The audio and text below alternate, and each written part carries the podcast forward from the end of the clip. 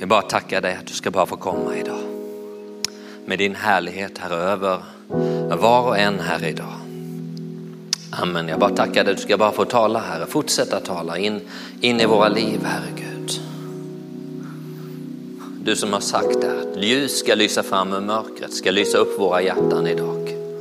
Du ska lysa upp var och ens hjärta idag för att kunskapen om Guds härlighet som strålar fram från ditt ansikte Jesus ska sprida Herre sitt sken idag Herre Gud. Att vi ska förstå att den väldiga kraften Herre Gud kommer inte för oss utan den kommer från dig Herre Gud, att vi är lerkärl.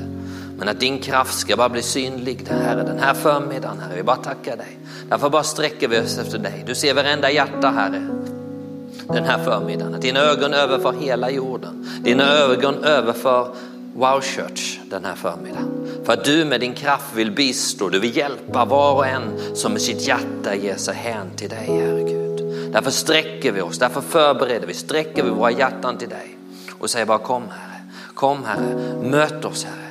Gud möt oss, lys upp våra hjärtan idag. Amen, så att kunskapen om din härlighet kan sprida sitt sken. Den som strålar från ditt ansikte Herre Gud.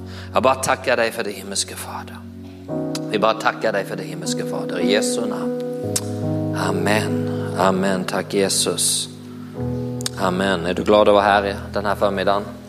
Fantastiskt möte, amen, fantastisk gudsnärvaro. Tack Jesus och jag tackar så mycket för förmånen av mina pastorer att bara få predika för den förmånen att få stå här idag. Det är med bävan och respekt men det är en stor förmån och det är ju en speciell dag idag. En speciell söndag och det är förmånen att få predika den här söndagen till dig. Amen. Och du undrar vad är det för speciell dag? Jo, det är första dagen på resten av ditt liv. Okej? Okay? Så något kan ju ske här idag som kan innebära en förändring. Okej? Okay? Amen, så det är en speciell dag. Låt oss läsa en text här. Andra Samuelsboken kapitel 6, vers 11 till 15. Sedan blev Herrens ark kvar i Gatiten, Obed Edoms hus, i tre månader. Och Herren välsignade Obed Edom och hela hans hus. Det berättades för kung David att, han, att Herren hade välsignat Obed Edoms hus och allt han ägde på grund av Guds ark. Då gick David och förde ur Guds ark ur Obed Edoms hus upp till Davids stad under jubel. När det som bar Herrens ark hade gått sex steg framåt offrade han en tjur och en gödkalv. Själv dansade David med all kraft inför Herrens ansikte och David var iklädd en linneefod. Så hämtade David och hela Israel Herrens ark under jubel och basuners ljud. Amen. Amen. Jag har läst den här texten vid tillfälle här också. Vi har ju ett fantastiskt ord som pastor Lennart delade första söndagen här. Amen. Och vi ska tala, jag ska, vill bara fortsätta tala om det här. Rubriken kommer här strax. Men jag vill tala om den här lilla lådan. Jag tog med den. Det är inte den då, men Eh, vi köpte vid ett tillfälle, jag är inte sån här som köper så mycket souvenirer. Eh, men jag har en fru och en son som älskar det lite mer. Jag har ju med det här, naken kommer in hit och naken kommer jag gå ut. Så jag har samlat inte så mycket, men det är fantastiskt med bitar. Den här eh, fick min son syn på när vid ett tillfälle var i Israel. Den kostade en del. Nu behöver ni inte komma här och ta den bara för att den kostar något. Men eh, det här är förbundsarken i alla fall. Och jag tänkte då kan jag passa på att ta med den. Den glittrar ju lite grann här. Ark of Covenant. Och det här var alltså Israels förbundskoppling med Gud. Alltså. Förbundsarken stod för förbundet med Gud, hans tron bland Israels folk. Där han talade, hans härlighet, där hans manifesterade närvaro var.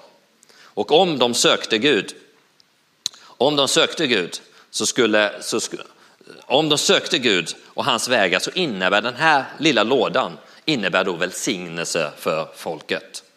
Det Herren hade i beredskap för dem eh, kom över dem. Det som fanns i denna låda kom över dem. Pastor Lennart pratade om vad fanns i den här lådan? Jo, stentavlorna fanns där. Stentavlorna representerade Guds ord.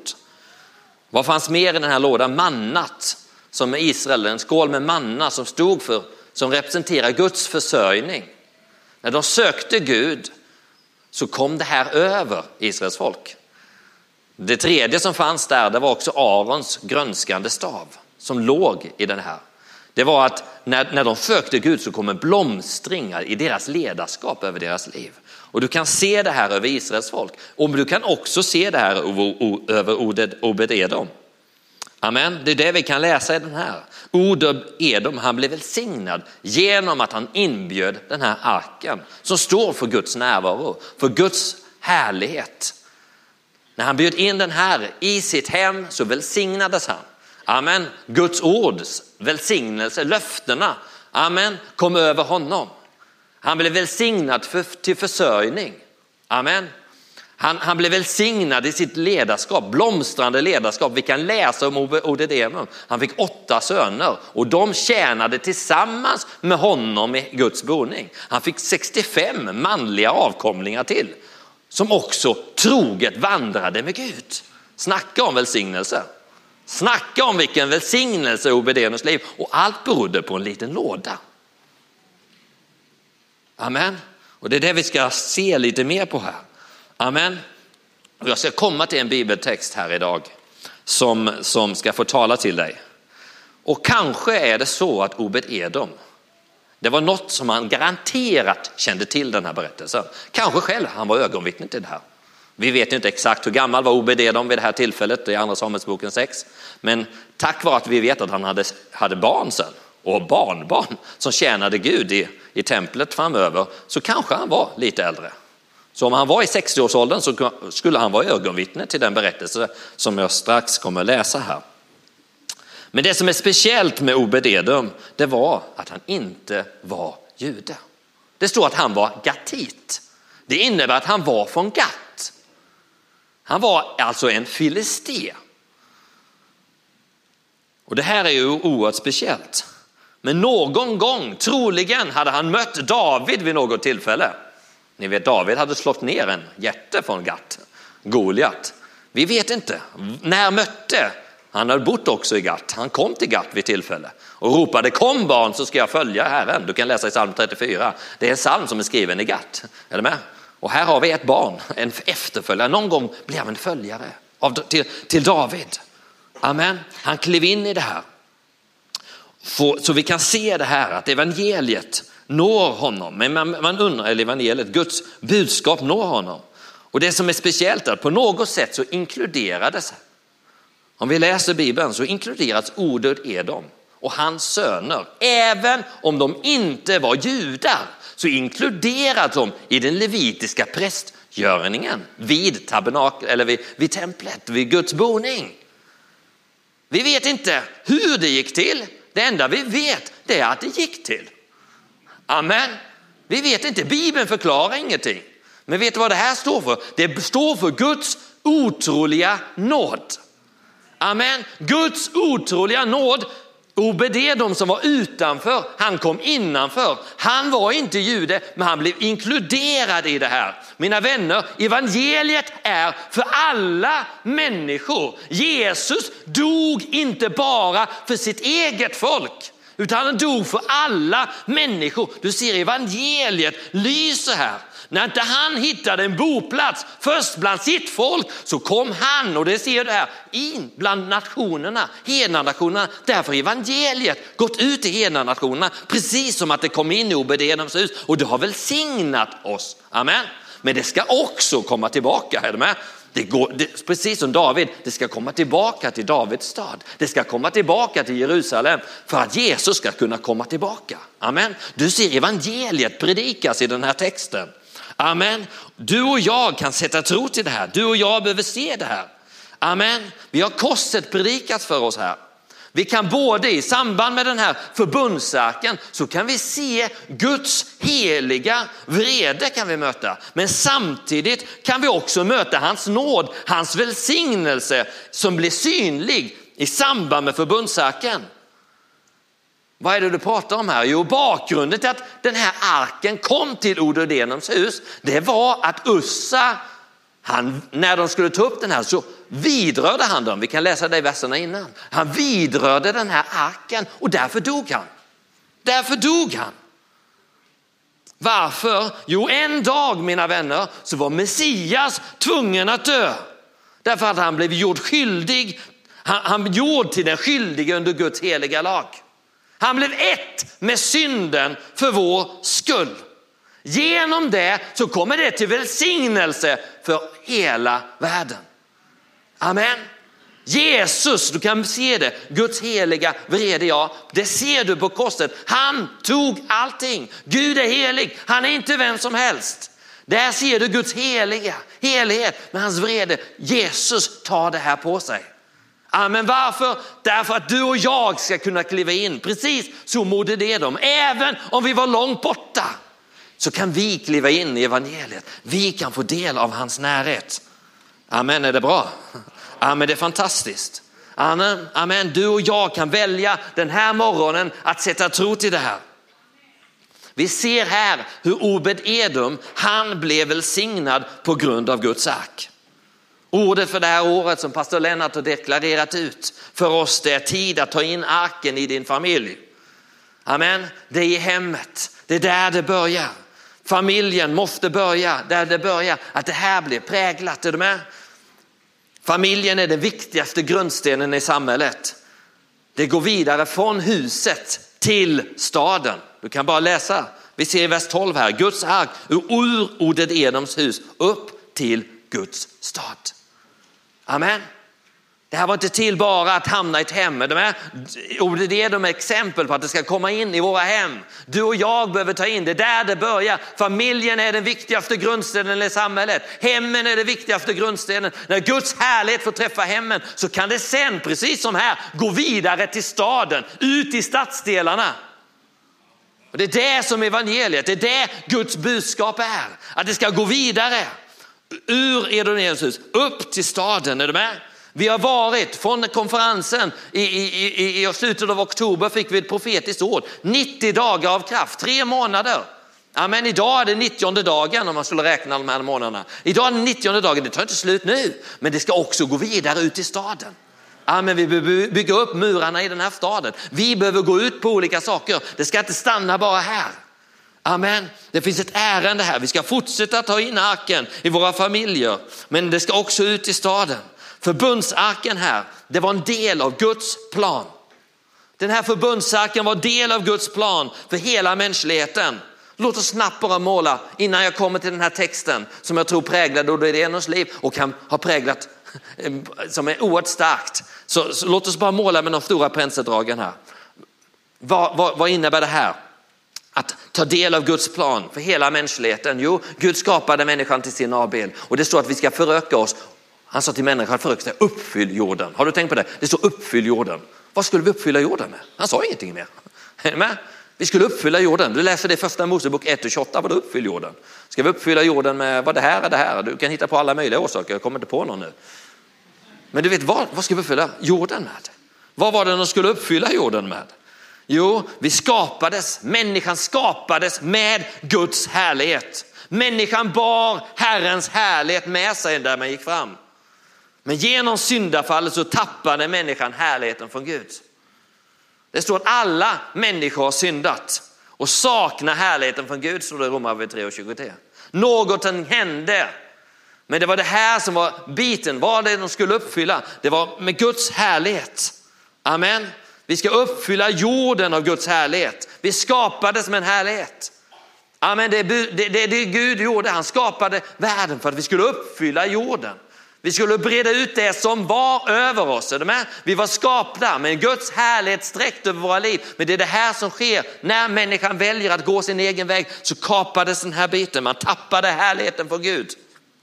Man tappade härligheten från Gud och därmed är människan en sökare. Man lägger på andra saker. Vi kan lägga på fikonlöv, men fikonlöv jämfört med Guds härlighet. Fikonlöv vissnar ganska snart. Vi kan söka i alla möjliga olika saker, men det finns bara en sak som kan fylla oss, vår tomrubbe på allvar och det är Guds härlighet.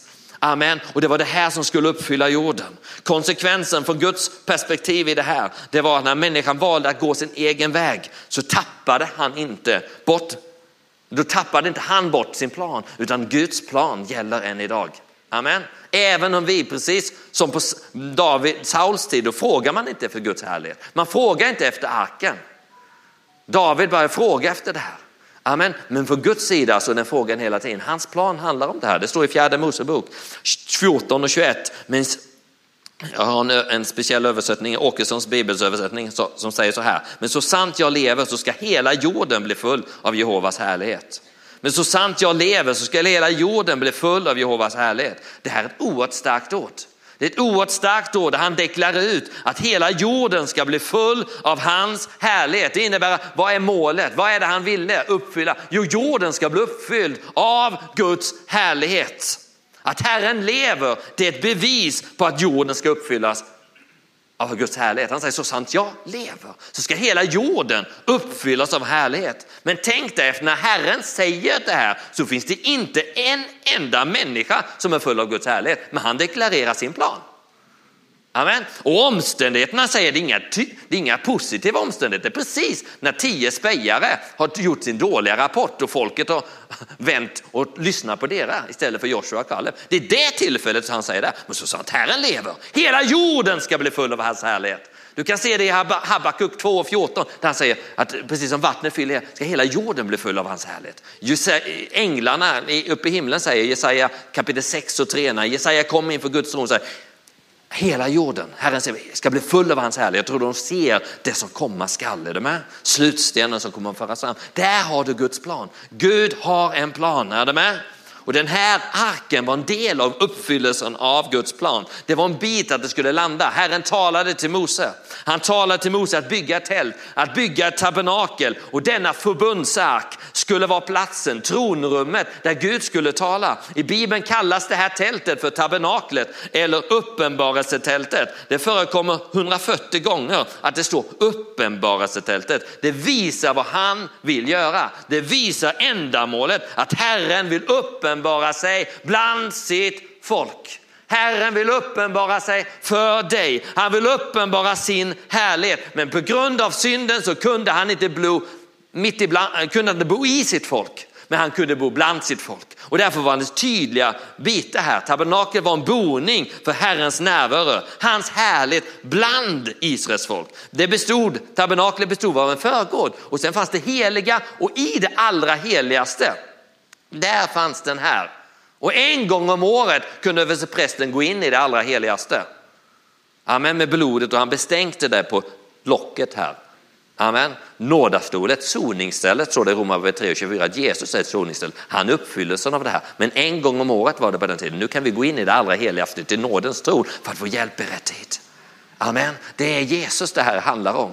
Amen. Men det var tydliga bitar. Han kunde inte bo. Du vet synd och Guds härlighet går inte att förena. Vägen in till Herrens härlighet måste därför skyddas för människors skull. Det är därför det heliga fanns först. Det heliga var en bit, vi förstår att Gud är helig. Ingången till det heliga, där fanns det fem pelare. Är du med? De här fem pelare står profetiskt för de fem Moseböckerna. Det gamla testamentet, förbundet som visar att Gud är inte vem som helst, han är helig. Amen. Men du kan inte genom att bara följa lagen, följa standard, då kan du och inte nå upp till Gud. Så därför fanns det en steg till, är du med? Det gick inte att gå in, det går inte hela vägen in. Så mellan det heliga och det allra heligaste fanns det en förlåt. Och det var dit bara en gång om året översteprästen kunde gå in.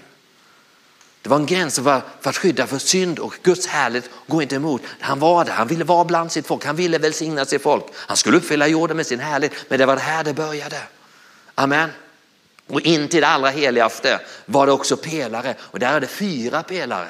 In till det heliga då var det fem pelare, in till det allra heligaste fanns det fyra pelare och de här står profetiskt för de fyra evangelierna som deklarerar Jesu budskap skapa hans död och uppståndelse som öppnar vägen in i det allra heligaste. Amen. Så att vi kan bli drabbade, är du med? Av hans härlighet. Det är det som öppnar upp vägen för oss. När Jesus kliver in som människa på jorden så säger Johannes, ordet blev kött och tog sin boning mitt ibland oss. Amen, ordet blir kött står det i Johannes 1 och 14. Amen, det står att ordet, han, han, han tältade bland oss, står det egentligen. Ordet blev kött, han tältade, han tog, han tabernaklade bland oss. Alltså Jesus blev det här tabernaklet. Han klev ner hit på jorden. Amen, ordet blev, bodde ibland oss. Amen. Jesus kom till jorden och uppenbarade Guds härlighet Precis som tabernaklet hade fått en, upp, var en uppenbarhetsplats, en mötesplats där Gud talade från Guds härlighet tron. Här var hans tron. Det var här utifrån han talade. Jesus klev ner och han talade till oss. Vi såg hans härlighet, säger lärjungarna. Men du vet när Jesus dör så bryts den här förlåten där det var fyra pelare. Amen och förlåten som hängde där för den bryts uppifrån och ner. Amen. Det här är Guds verk. Inget människas verk. Det är arrangerat från himmelen, inte från någon människa. Jesus har löst syndaproblemet genom att bli ett med synden för vår skull. Det som skilde oss från Guds härlighet. Guds härlighet, amen, hans shekina, amen. Den kan därför drabba oss. Han tar sin plats i oss.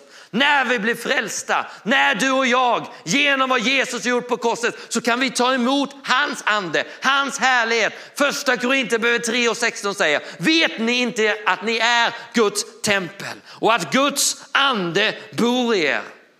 Mina vänner, det är fullbordat från Guds sida. Det är fullbordat från Guds sida. Det är dags att Guds härlighet får uppfylla hela jorden. Amen.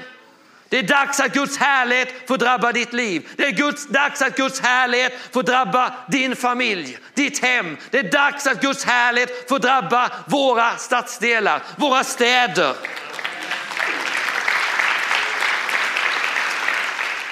Amen, du och jag, vi ska vara hans lådor.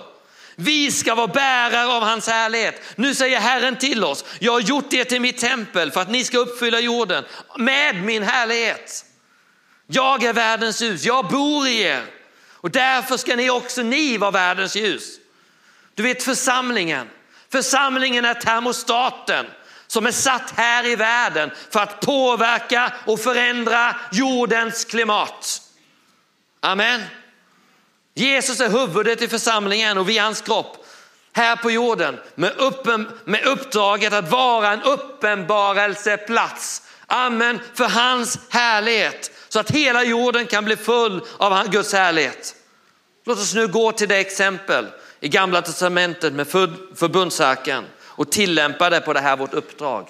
Vårt uppdrag att uppfylla jorden, att uppfylla våra hem, vår stad med Guds härlighet. Den här händelsen kände Obededom till, garanterat. Kanske var det som hade präglat honom därför han insåg den här ska jag ha hem till mig. Är du med? Han öppnade upp för det här.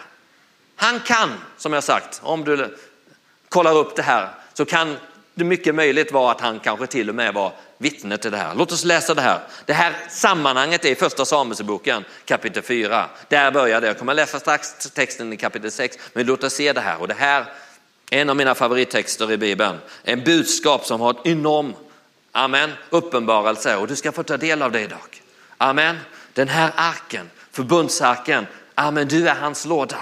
Amen. Och vi kan läsa i första Samuelsboken kapitel 4 hur filisterna de erövrar den här förbundsarken. De erövrar den här från Israel. Först kan vi läsa bakgrunden till det här. Det är att Israel efter att först lidit ett nederlag, då ser de till, oj, vi tar den här arken. Det representerade Guds tron, eller med Guds styrka. Vi tar den här arken och vi tar med den in, ut i striden. Och eh, filisterna blev rädda. De blev rädda för de hade hört om det här. De undrade, vad är det här för någonting? Men du, vad som händer i det här, det är att de lider ett ännu större nederlag i Israel. Och arken kommer i filisternas händer. Och det här sker när Eli är domare i Israel och han har två våldsamt ogudaktiga söner som stråder då. Och vad det här visar för oss, du och jag, vi kan aldrig räkna med Guds härlighets närvaro att det ska ge seger för oss när vi lever öppet i synd. Israels folk, de tog bara, ja men det tar den här. Men de följde inte honom. Vi kan se en tendens i våra församlingar. Vi kan se en tendens i kyrkan där man inte öppnar upp. Man öppnar upp för fel saker. Med. Då kan vi inte räkna med att hans härlighet ska komma. Vi kan inte räkna med hans seger. Det här gäller för dig som enskild individ. Det gäller för församlingar. Vad är det som händer när den här förbundsarken kommer i Filistinas händer? Man kan gå vidare i kapitel 5 och då kan man läsa i första Samuelsboken 5. Då kan du se det. Självklart hade de kännedom om den här arken och dess betydelse för Israels folk. Och de insåg säkert att den, det här fanns hemligheten till Israels folks styrka. Till kraften hos Israel, kraften i deras Gud. Men nu hade de denna förbundsark i sina händer och de trodde att deras Gud var större än Israels Gud. Och för att demonstrera detta så placerade de den här förbundsarken i deras Guds Dagons tempel. För att demonstrera det här. Dagon är inte så känd i Bibeln, men det är egentligen pappan till den kände guden Baal. Och syftet med att demonstrera, syftet var alltså att demonstrera dagons överlägsenhet över Israels Gud. Men symboliken blev totalt omvänd. Du kan läsa om det här. När de tidigt dagen efter de hade satt den här, då såg de att den här dagen han hade fallit. Hela den här statyn hade fallit och låg i vördnad inför Herrens ark. De reste självklart upp den här igen. Men när de tidigt nästa morgon åter kom dit så såg de att dagen hade fallit och huvudet hade gått av och händerna hade fallit av. Ett tydligt budskap.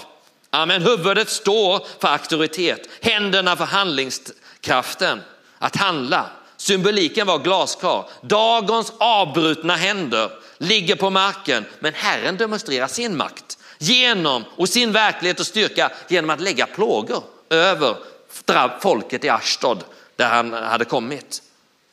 Du vet, vänner, Gud kan inte manipuleras av sitt folk. Vi kan inte manipulera Gud, precis som Israels folk kunde inte göra det genom att bara ta arken. Åh, nej, men vi, nu tar vi arken hit, nu ska vi vinna sig. Nej, de kunde inte leva hur som helst och bära på Guds närvaro.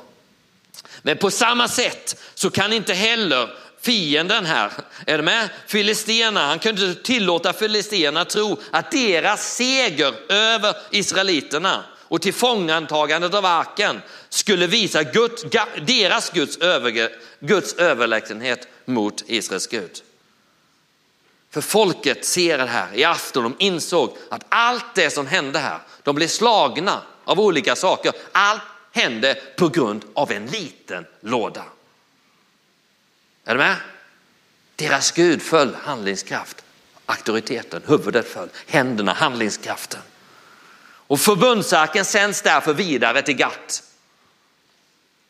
Och det är de, han kom från Gat. Gat var känd för sina jättar. En av dessa jättar kan vi läsa om som kommer här, han kanske levde eller han levde på den här tiden, var Goliat. Men invånarna i Gat drabbas av en stor förvirring och de får också bölder på kroppen när förbundsarken kommer dit. Och den här arken sen sänds vidare till Ekron, ytterligare en av de filistiska huvudstäderna. Det blir problem för filisterna vart en arken kommer. I Ekron blir man livrädda för den här lilla lådan. En hel nation drabbas av förvirring. Mer förvirring än vilken armé som helst i den här världen skulle kunna orsaka. Som skulle komma emot dem. Varför? Jo, för här fanns en liten låda. Där fanns Guds härlighet termostaten som förändrar klimatet. Och till slut får Ekrons invånare, de filistiska hövdingarna, att förstå att den här förbundsarken kan vi inte ha kvar. Den tillhör inte oss. Och därför sänder de att de ska sändas tillbaka till Israels folk. Och de samlar spåmännen, de samlar de filistiska spåmännen och prästerna för att höra hur ska vi gå tillväga för att sända tillbaka arten. Och det vi ska läsa nu, det är egentligen deras plan för att se från de vise bland filisterna för att se om det som hänt var bara en slump eller om det var Israels Gud som låg bakom det här. Låt oss läsa i första Samuelsboken 6, vers 7. Så gör nu, en, gör nu en ny vagn och ta två kor som ger di och som inte har burit något ok. Spänn korna av vagnen, men ta hem deras kalvar från dem. Sätt Herrens ark på vagnen och lägg ner guldföremålen som ni ger honom som skuldoffer i ett skrin vid sidan av den. Sänd sedan iväg vagnen. Se efter om den tar vägen till sitt eget land, till Betshemesh. Då var det han som vållade oss denna stora olyckan. Men annars vet vi att det inte var hans hand som slog oss, utan det drabbade oss bara, oss bara en slump. Männen gjorde så. De tog två kor som gav di och spände den för vagnen. Men kornas kalvar stängde de in hemma och de satte Herrens ark på, på vagnen och även skrinen med guldråttorna och med avbildningen av deras bölder. Korna gick raka vägen mot Beshemesh. De gick hela vägen, hela tiden samma väg. De gick där och råmade utan att vika av vare sig till höger eller till vänster. Filistenas första följde efter dem ända till gränsen mot Beshemesh.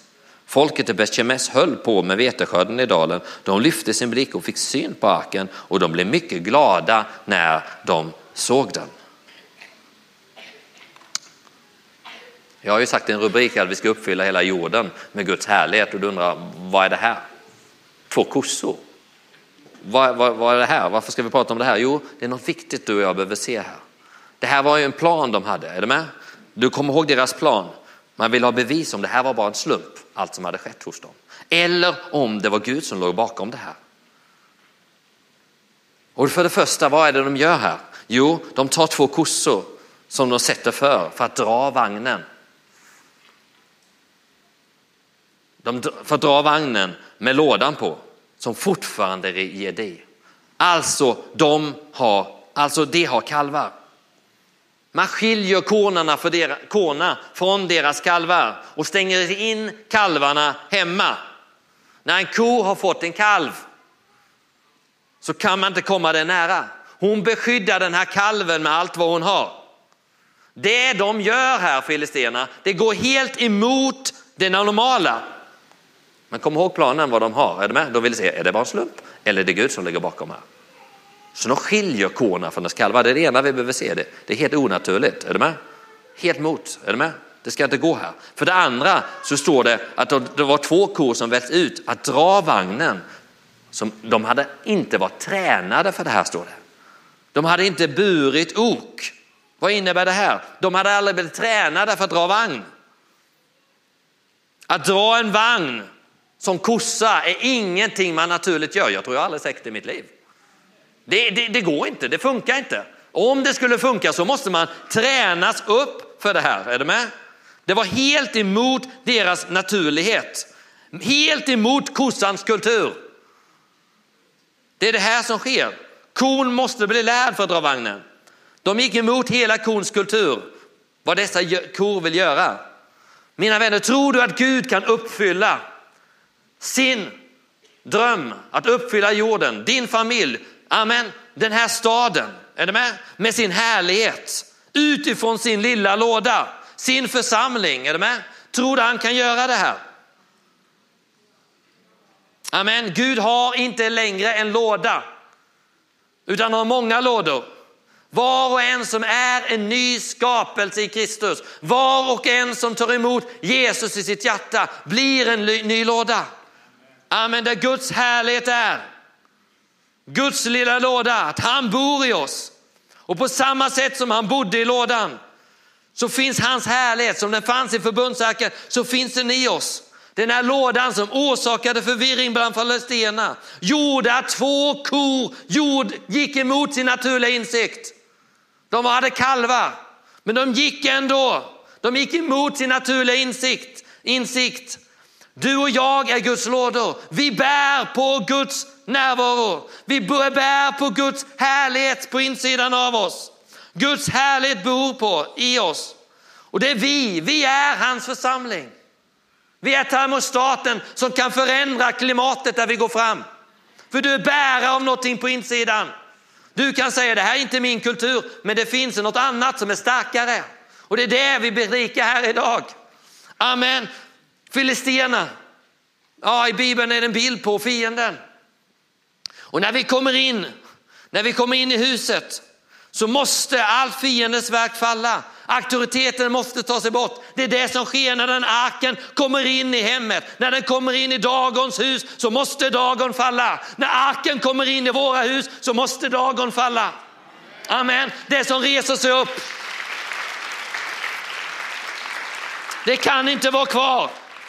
Ja, men det kan inte vara kvar. Men om inte vi sätter tro till vad det är som finns på insidan av oss, om vi inte sätter tro till att, det, att vi är nya skapelser, att vi är bärare av någonting som är så starkt, som är så mäktigt, en väldig kraft på insidan. Om vi inte förstår det, om vi inte sätter tro på det, så kan dagen härska i din familj.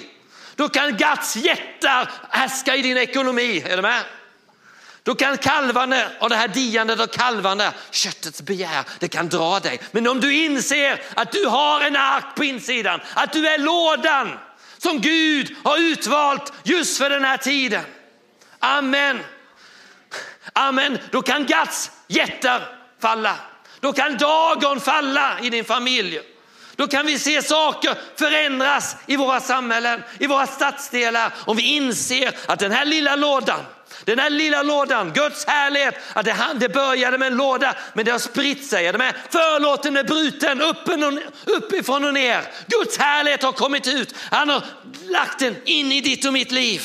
Amen. Att vi som är bärare av hans härlighet, inte bara som individer utan också som församling. Det naturliga i mig vill gå till vänster eller till höger. Men de här kossorna, de gick varken till vänster eller höger. De gick raka vägen. Även om de inte visste vägen så gick de raka vägen till Betjemes, präststaden, precis dit de skulle. Hur gick det till? Därför att förbundsarken, lådan, Guds härlighet var, var över dem. Amen. De var inte tränade för det här. Du kan säga, jag är inte tränad för det här. Du kan börja idag. Du kan bli frälst idag eller om du blev frälst igår. Då kan du börja idag. Guds härlighet. Amen. Lådan finns på insidan av dig. Guds härlighet finns på insidan av dig. Amen. Det kan göra att du och jag kan gå raka vägen. Vi ska gå den raka vägen. Det naturliga i vårt kött, det strider mot det naturliga i vår ande. Det kan finnas ett kampmoment. Ja, visst, vi kan råma som de här kossorna och hålla på olika saker. Men vi kan vara, om, om vi fokuserar på det som finns i oss, är större än det som är i världen, då kan vi gå raka vägen, varken sig vänster eller höger. Amen. Så det viktiga för oss är hur mycket av Guds härlighet som får drabba oss så att vi kan gå.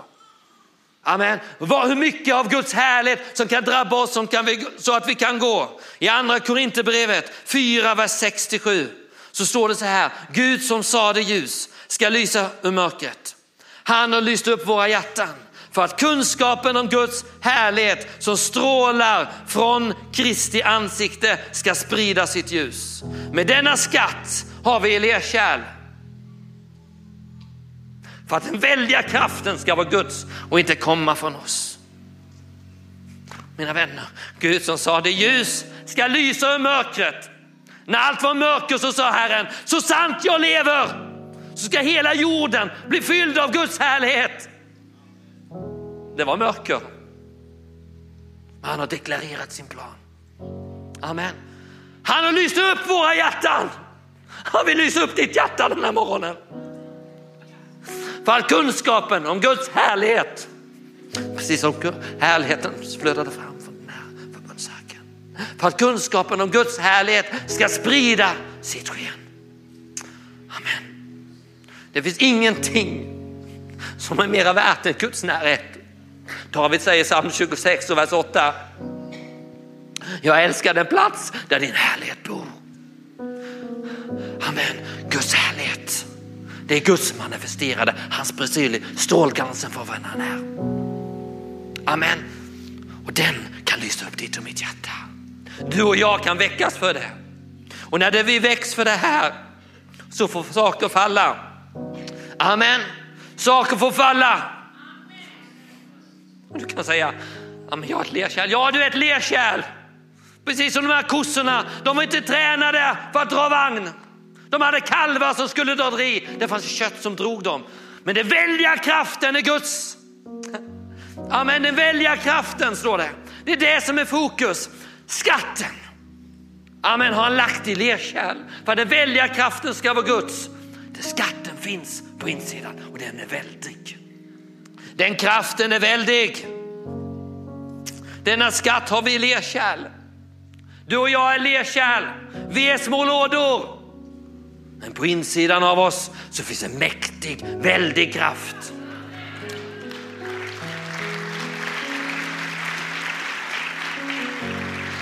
Amen. När vi får tag i det här så förändrar det klimatet i våra liv.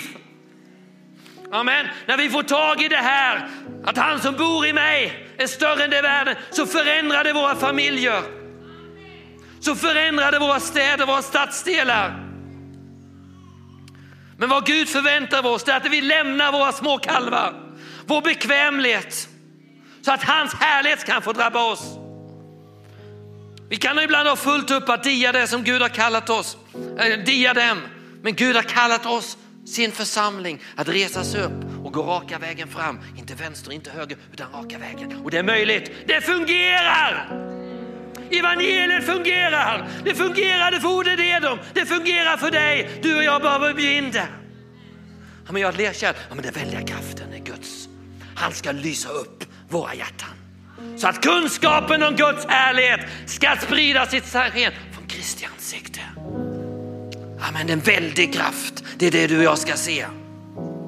Vet du vad? Filisterna, de stod och observerade. De stod, de tittade efter den här arken. De ville se om det var bara en slump eller om Gud låg bakom det här. De står där. De ville se om de här kossorna gick emot i sin egen natur och gick raka vägen fram mot sitt mål. Eller kommer de gå tillbaka? Du vet, det finns många filister som tittar här i Stockholm. Det kanske är din familj som tittar, fungerar det här? Fungerar det här kristna livet? De tittar, de observerar och de är ute efter att se det här.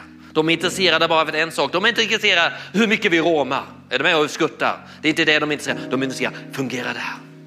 Är du med? De observerar, de ser det här. Obededom kanske var en av dem. Amen. De är intresserade här och här har vår största utmaning. Inte bara vad vi predikar utan att ditt liv får predika. Amen. Du har en ark på insidan. Människor, filister, finns fullt av dem här i Stockholm. De observerar och ser, fungerar det här livet? Men då behöver du och jag ge oss till det här. Är du med? Vi måste upptäcka det som finns i oss och sätta tro i det. Efesierbrevet 3 och 16 säger, ja, han, i sin härlighetsrikedom ska han ge kraft och styrka åt det inre människan. Det finns en kraft mina vänner här idag. Det är tid för dagen att falla. Det är tid för Guds hjärta att besegras i våra hem och stadsdelar. Herrens härlighet ska få uppleva verklighet i våra liv där vi går fram. Amen. Om vi är en hel församling får tag i detta så kommer dödsrikets portar inte vara oss övermäktiga. Dagen kommer att falla. Gud har kallat oss, sin församling, att uppfylla jorden med sin härlighet. Gud söker efter lådor. Är du med? Han söker efter lådor där hans härlighet får manifesteras. Han har deklarerat så sant Herren lever så ska jag uppfylla hela jorden med min härlighet. Är du beredd på det här? Låt oss resa oss upp. Amen, vi går i avslutning här. Eller är det avslutning nu? Amen. Guds härlighet vill bara drabba oss idag. Vägen öppen in i det allra heligaste. Amen, du och jag kan söka hans närvaro. Amen. Amen, hur blir det här verklighet? Jo, pastor Karolina delar, var en tillbedjare. Var en som memorerar på Guds ord. Du kan memorera på andra saker, memorera på Guds ord. Ah, Amen, var en som i tro talar ut Guds ord. Var en förebedjare. Amen, det väcker Guds närvaro i ditt och mitt liv. Vi kan göra skillnad. Amen, Herren vill komma in, är du med? Det finns ett tydligt uppdrag att uppfylla våra hem. Det finns ett tydligt uppdrag att uppfylla vår, våra stadsdelar, jorden av hans härlighet. Och den här termostaten, förbundsarken, förändra klimatet. Ja, men du är bärare av den. Är du med? Du är bärare av den. Gud som sa det, ljus ska lysa fram i mörkret. Han har lyst upp våra hjärtan. Amen. För att kunskapen om Guds härlighet som strålar från Kristi ansikte ska sprida sitt sken. Men denna skatt har jag i lerkärl. För den väldiga kraften ska vara Guds och inte komma från mig. Det finns en skatt här idag. Jag vänder mig först till dig som kanske inte har tagit ett beslut. Du kanske har varit som de här filisterna som står och tittar på. Du kanske inte tagit det här steget. Men du kan göra precis som Ode Dedom. Amen, han var en filister men han blev inympad. Vi har alla blivit inympade i det äkta. Amen, vi var långt borta men det gäller för oss alla. Amen, du och jag kan ta emot. Du kan ta emot det den här förmiddagen. Du kan ta emot Jesus i ditt liv. Amen. Det är dags att, att, att bjuda in hans närvaro. Bjud in honom. Herren vill flytta in. Alla människor har kommit i avsaknad av härligheten på Gud. Men den här förmiddagen så kan du bjuda in den på nytt. Hans härlighet. Han vill lysa upp ditt hjärta.